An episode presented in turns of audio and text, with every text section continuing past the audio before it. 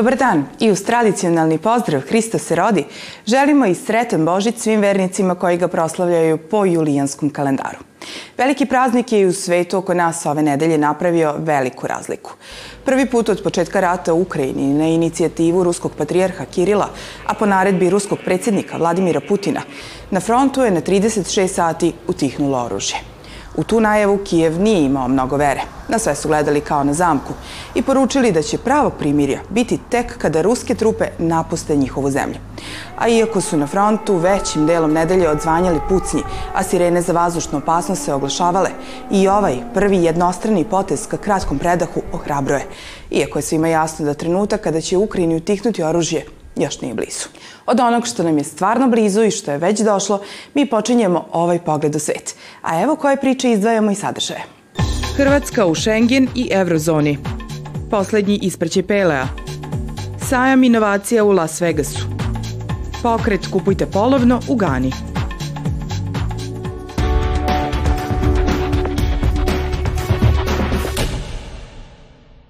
Nova godina donela je velike promjene u Komšiluku. Hrvatska je u Schengen zoni, a umesto kune uveden je evro. 2, 1, 0.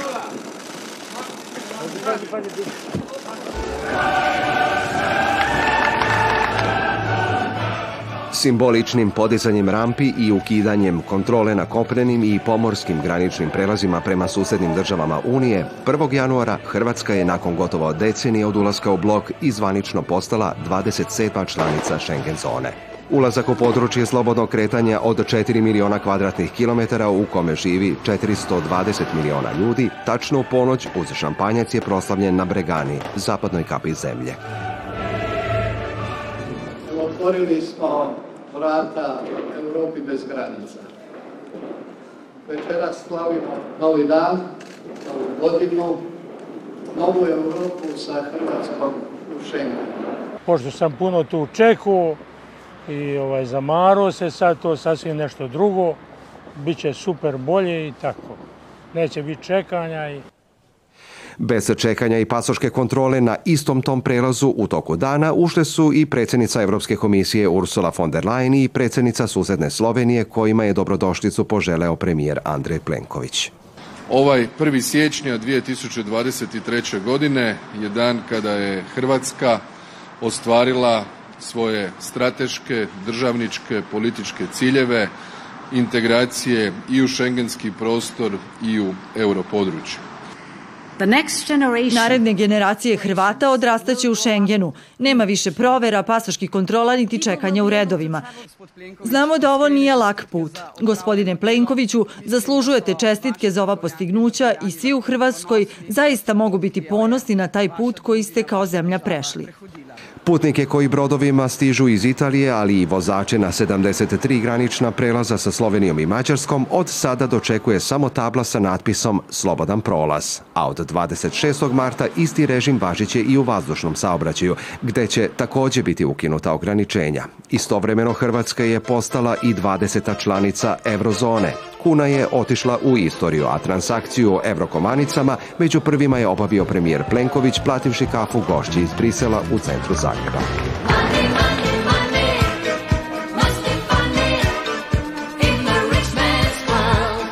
I dok je ulazak u zonu slobodnog protoka ljudi, robe i usluga u zemlju u kojoj promet evropskih turista čini kičmu ekonomije, dočekan s oduševljenjem, o prelasku na evro, posebno u uslovima globalne recesije, polemiše se, preračunava i priprema od septembra, od kada se cene u radnjama iskazuju u obe valute.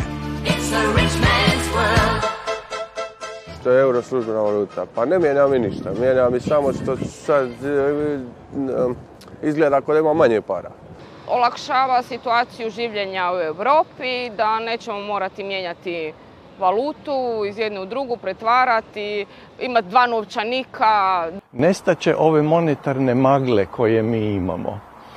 Šta je valuta, šta je deviza, šta je, šta je kuna sa deviznom klauzulom, to će sve nestati. A ovdje pita, postavlja se pitanje zašto zemlje koje su razvijenije od Hrvatske, i spremnije za euro, kao što je Mađarska, Česka, Poljska, vidite, one uopće ne pričaju u uvođenju eura. Zašto?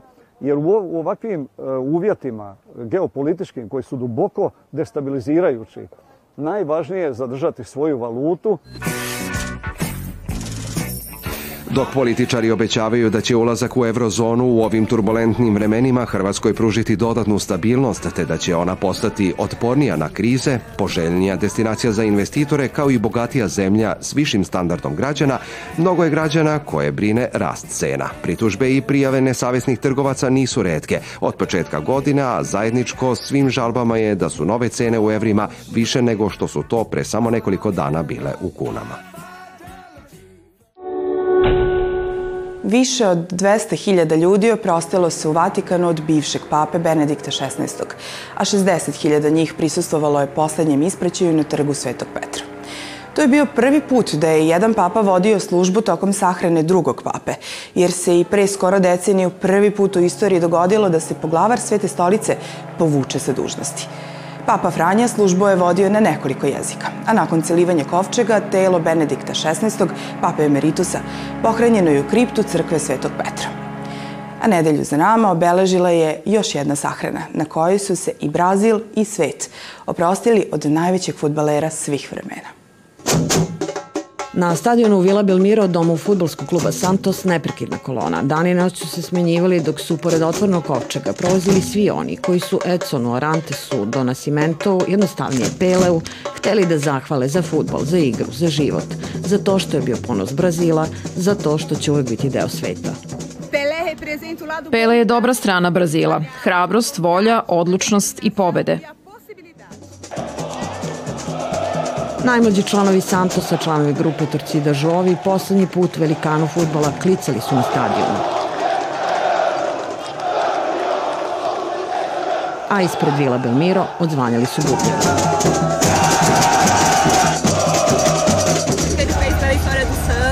Vrlo je emotivno, ali to je nešto što je on zaslužio, zbog svega što je uradio za istoriju Santosa za hiljadu golova.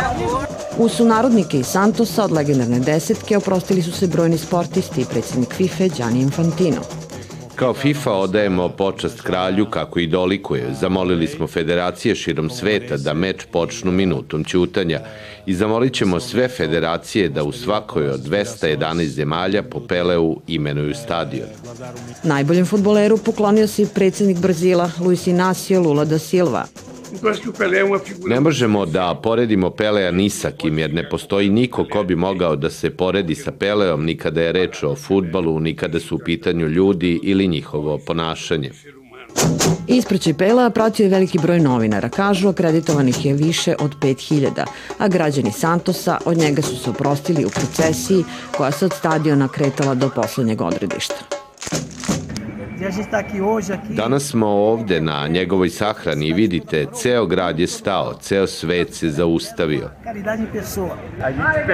Izgubili smo građanina po imenu Edson, ali igrač nikada neće biti izgubljen. On je ovde. Na groblju Memorial Nekropole Ekumenika, inače najvišem na svetu, sahranjen je u privatnoj ceremoniji po sobstvenoj želji. U ime porodice zahvaljujem svima za svu ljubav, za svu privrženost, za svo poštovanje. U vertikalnom groblju, koje više podsjeća na stambenu zgradu, Pele će sa devetog sprata zauvek posmatrati Santos, gradu kojem je proveo većinu života i stadion futbolskog kluba na kojem je započeo svoju magiju. Uprava memorijala Nekropola Kumenika, koji danas ima 14 spratova, a izgradnja još 18 se tek planira, veruje i da će mauzolej najboljeg futbolera sveta, čiji ulaz krase dve zlatne statue, postati svojevrsno mesto hodočašća. Construímos o mausoléu Pelé. Izgradili smo mauzolej Peleu koji će postati turistička atrakcija gde će ljudi dolaziti da mu odaju počast i posete ga. Zaboravljan i u to ne treba imati nikakve sumlje, kralj Pele neće biti. Sve će još morati da čeka da se rodi neko ko će u reprezentaciji da zaigra sa 17 i stigne do tri titule svetskog prvaka. Nekog ko će u karijeri da obori rekord najviše postignutih golova, čak 1281. Nekog ko će voditi loptu kao da je rođen sa njom, ko će driblati protivnike kao da pleše po terenu. A ako i kada se sve to i dogodi, ni tada taj neko neće biti bolji od majstora igre, jer Pele je sve uradio prvi. Kao što smo videli od najvećeg svetskog futbolera koji je osvojio tri titule svetskog prvaka i nekada najpopularniji predsednik u svetu, sada u trećem predsedničkom mandatu, oprostio se tačno dan nakon inauguracije. U dosadašnjoj karijeri Lula da Silva prošao je, reklo bi se, ceo spektar emocija, od obožavanja do osporavanja i zatvora. A sada su pred njim nove četiri godine, da zemlju izleči od podela.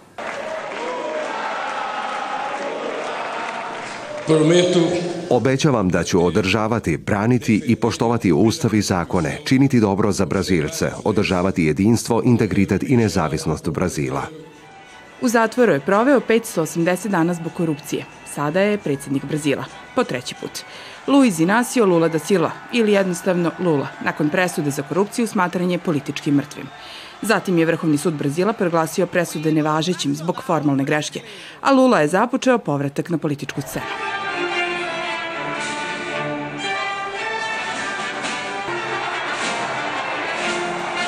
30. oktobra 2022. upravo povratak se i desio.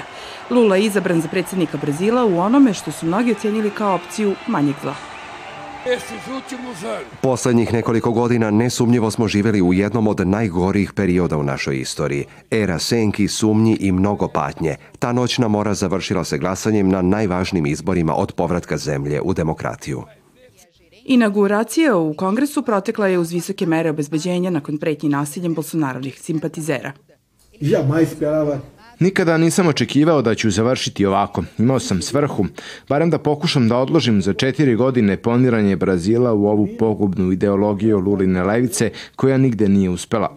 Ako ste uznemireni, zabrinuti, stavite se na moje mesto. Koliko puta sam se zapitao gde sam pogrešio, šta sam mogao bolje. Uveren sam da sam dao sve od sebe.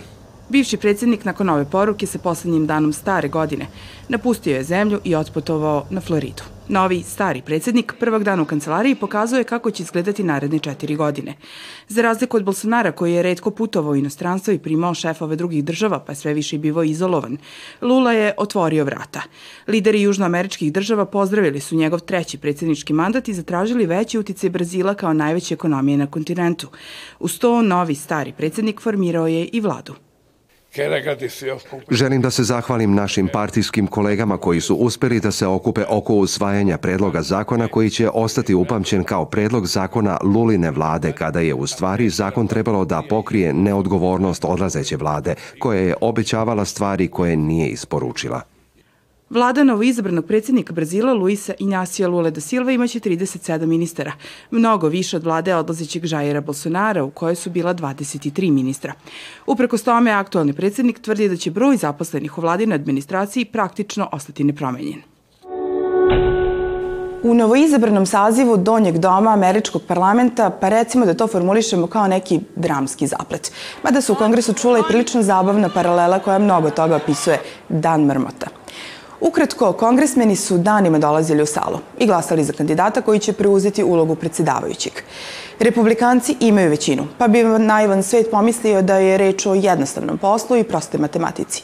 Ali do broja 218 republikanac Kevin McCarthy nikako nije mogao da stigne, pa se glasalo jednom, dva put, šest, sedam, dvanest, trinaest puta. Scenario kakav Amerika nije videla čita vek. Za jedne je bio slika stvarne demokratije, za druge slika podela unutar Republikanske partije, a za svet pa slika iz filma, baš tog, Dan mrmota. Speaker has not been elected. A speaker has not been elected. A speaker has not been elected. A speaker has not been elected. A speaker has not been elected. Početak januara u Las Vegasu rezervisan je za inovacije, a na ovogodišnjem izdanju CES-a mogli smo videti baš svašta. Od električnih rolera i igračaka do uređaja koji testira zrelost avokada. Proistekla iz srednjovekovne tradicije poljoprivrednih i trgovačkih sajmova, velika industrijska izložba svih nacija održana u Londonu 1851. godine bila je prvi međunarodni skup te vrste, koji se smatra i prvom svetskom izložbom. Vremenom su slični svetski sajmovi počeli da uključuju zabavu te da se povezuju sa festivalima i karnevalima, ali je većina u srži ostala industrijski i komercijalni događaj.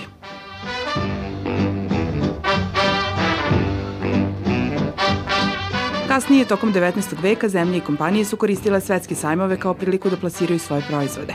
Ali vrhunac i najželjeniji iščekivaniji deo ovih svetskih sajmova bilo je uvođenje novih tehnologija izuma. Jedan od redkih koji je zadržao isti duh jeste sajam potrošačke elektronike u San Francisku.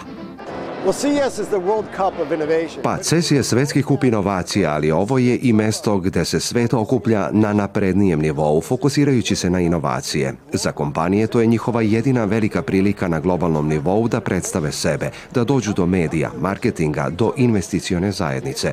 Ali mi takođe pružamo usluge i malim start-upima, jer dobre ideje mogu doći sa bilo kog mesta.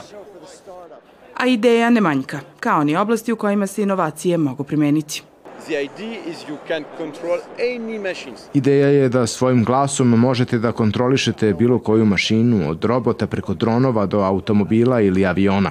Ne morate da budete inženjer, ne morate da koristite tastaturu, ne morate da programirate mašinu, samo morate da razgovarate sa njom i mašina će razumeti šta želite da uradite. This device Ovaj uređaj ima naše patentirane elektrode i može da meri moždane talase. To znači da bi ova mašina mogla da radi na ranom otkrivanju demencije, Parkinsonove bolesti, depresije ili blage traumatske povrede mozga. Ali uz ove, među 3200 izlagača i više od 100.000 posetilaca dnevno, nađu se i malo neobičnije ideje. Zove se Kubo, to je robotski jastuk sa repom koji maše i reaguje na to kako ga dodirnete ili mazite. Što ga više mazite, to uzbuđeniji postaje. Dakle, mašina proverava zrelost avokada. Svi znamo da ako pokušamo da odredimo zrelost avokada štipanjem, to je zapravo garantovani metod da ga uništimo. Mi ovako koristimo nedestruktivnu metodu. Ma kako blesavo delovale inovacije poput merenja zrelosti advokada, istina je da su upravo ovakvi sajmovi doneli neke od najkorišćenijih izuma čovečanstvu. Od telefona preko cipzara i mašine za pranje sudova, pa sve do televizora i touchscreenova. Kao svuda na svetu, kosa i u Belgiji kada odsečete padne na pod. E sad, razlika između Belgije i velike većine ostalih zemalja je u tome što je tamo, nakon što se poda pokupe, sve učestalije ne bacaju u kantu, već njena svojstva koriste za zaštitu životne sredine. Frizerski salon Heliod u Briselu jedan je od sad već nekoliko desetina sličnih radnji u belgijskoj predstavnici koje su odlučile da daju koliki toliki doprinos u čuvanju okoline. Način na koji to rade je, blago rečeno, neobičan, ali radi. Ljudska kosa ispostavit će se ima svojstva koja u veštim rukama mogu biti upotrebljena za smanjenje zagađenja planete. I ranije mi je padalo na pamet kako je šteta to što bacamo toliko kosa i pitala sam se da li postoji neki način da se ona iskoristi. Sada vidim da postoji. A šta to tačno rade sa kosom, najbolje znaju u nevladinoj organizaciji jednostavnog imena recikliranje kose. Mi znamo uprošćenu verziju. Kosa se stavlja u posebnu mašinu koja od nje pravi kvadrate 60 puta 60 cm gde je moć apsorpcije ono glavno. Za jedan kvadrat potreban je 1 kg kose i svaki od njih može da upije 7 do 8 litara nekog zagađujućeg ulja. Ako se pitate gde to ima toliko ulja za koje je bolje da ne padne baš bilo gde, odgovor je recimo u automehaničarskoj radnji. Vozila se rastavljaju i buše na sve strane, pa ulje curi iz motora, iz kočnica i odakle sve ne. Mislimo da je bolje da sve to ulje, ili bar koliko god možemo, zadržimo pre nego što stigne do reke. Na web stranici ove organizacije piše da jedan vlas kose može da izdrži opterećenje do 10 miliona puta veće od sobstvene težine, da je vodo nepropustan, kao i da keratinska vlakna doprinose njenoj visokoj elastičnosti. Eto, za kosu kažu da je mrtva. Luke i deponije u Gani prosto se dave u planinama polovne odeće koja stiže sa zapada. Problem postoji, ali grupe mladih entuzijasta daju sve od sebe da bili podstakle vršnjake da kupuju second hand. Scena. Prestonica Gane Akra, otvoreno skladište preko okeanskih kontejnera i mladi u majicama Pink Floyda, Grateful Deada, izbledlim farkama, vijetnamkama, adidas patikama, a sve uz DJ-a koji pušta afrobeat klasike. Vintage Gala, kako su i dali ime, ideja je dva 23-godišnjaka, a za cilj ima borbu protiv brze globalne modne industrije kroz promovisanje kupovine polovne odeće. Svi znamo da recikliranje pomaže okolini. Ako nosite odeću koja je napravljena ranije, nema potrebe za kupovinom nove na koju se ponovo troše sirovine. Zapravo, jako je jednostavno. Sa zapada i iz Kine svake nedelje praktično u balama u Ganu stigne nekih 15 miliona komada polovne odeće. Na kraju oko 40% završi na deponijama, ali ako vam nije teško da satima pre izlaska sunca dođete u neku od luka, možete pronaći i zaista vrednu robu, često neoštećenu, te spasiti pre finalnog odredišta. Tako ćete zaraditi, ali i skinuti bar malo tereta sa leđa planete Zemlje. Zaboravite ono razmišljanje da je sramota nositi polovnu odeću, jer to rade samo siromašni. Ja mislim da je kupiti i nositi Gucci samo zato što je Gucci jako glupo i ne vidim razlog zašto ne bismo kupovali nešto podjednako lepo, a znatno jeftinije i usput pomogli okolini. Moto pokreta je kupujte polovno, napravite razliku. I da, što kaže mladi gospodin Kist, stvarno je jako jednostavno. Poruka da je vreme da više brinemo o planeti stigla je prošle nedelje iz Egipta. A u celoj toj priči možda je najvažnije to što je ta prilično ozbiljna tema, obrađena kroz igru da poruku razumeju i najmlađi. Par meseci nakon samita o klimi COP27 u Egiptu, na kome su političari ponovo propustili šansu da konačno ugase klimatski požar, novu priliku da osmisle i pronađu održivo rešenje za problem globalnog zagrevanja dobili su egipatski školarci. Koristeći Lego kockice, klinci iz svih krajeva zemlje koji su se u Gizi takmičili u prvoj Lego Discover ligi ozbiljno su shvatili zadatak koji bi čovečanstvu pomogao da napravi zaokret ka zelenoj energiji. Imamo 400 đaka raspoređenih u 80 timova sa po pet učenika. I sada će nam pokazati šta su naučili tokom tromesečne obuke. Do detalja razrađen koncept mališani su kocku po kocku na zadovoljstvo mentora, žirija i roditelja pretočili u ambiciozne ekoprojekte, od vetroturbina pa sve do automobila na solarnu energiju. Deci je to jedinstvena prilika da se kroz slaganje Lego kocki i učenje kako da naprave turbine detaljnije upoznaju sa različitim vrstama energije iz obnovljivih izvora. Za sve njih od 5 do 7 godina to je bilo veliko iskustvo i nadamo se da će to znanje jednog dana moći i da primene. Prvenstvo je održano u novoj zgradi Velikog muzeja Egipta nadomak piramida, koji će zvanično biti otvoren u toku godine. Da nešto sa klimom definitivno neštima vidimo i sami. U Evropi je ovo najtopliji početak godine od kada je merenja. Temperatura se čak i u centralnom delu starog kontinenta penjala do 20. podeljka. Satelitski snimci svedoče da snega nema ni u čuvenim skijalištima u Francuskoj, Švajcarskoj ili Austriji. A na jugo Španije ne samo da su se nosili kratki rukavi i šarci, već se i kupalo u Mediteranu. Neobično, priznaćete. Da li je za uživanje ili za brigu, cenite sami. Mi prolećem, kada mu vreme nije, završavamo ovaj pogled u svet. A planetu ćemo ponovo premeravati uzduž i popreko za tačno sedam dana. It's, uh... Prijetno je, ali je nekako i strašno, a mi smo ovde na odmoru. Vreme je lepo, gotovo za bikini, ali znamo da planeta gori, pa i uživamo i prestravljeni smo.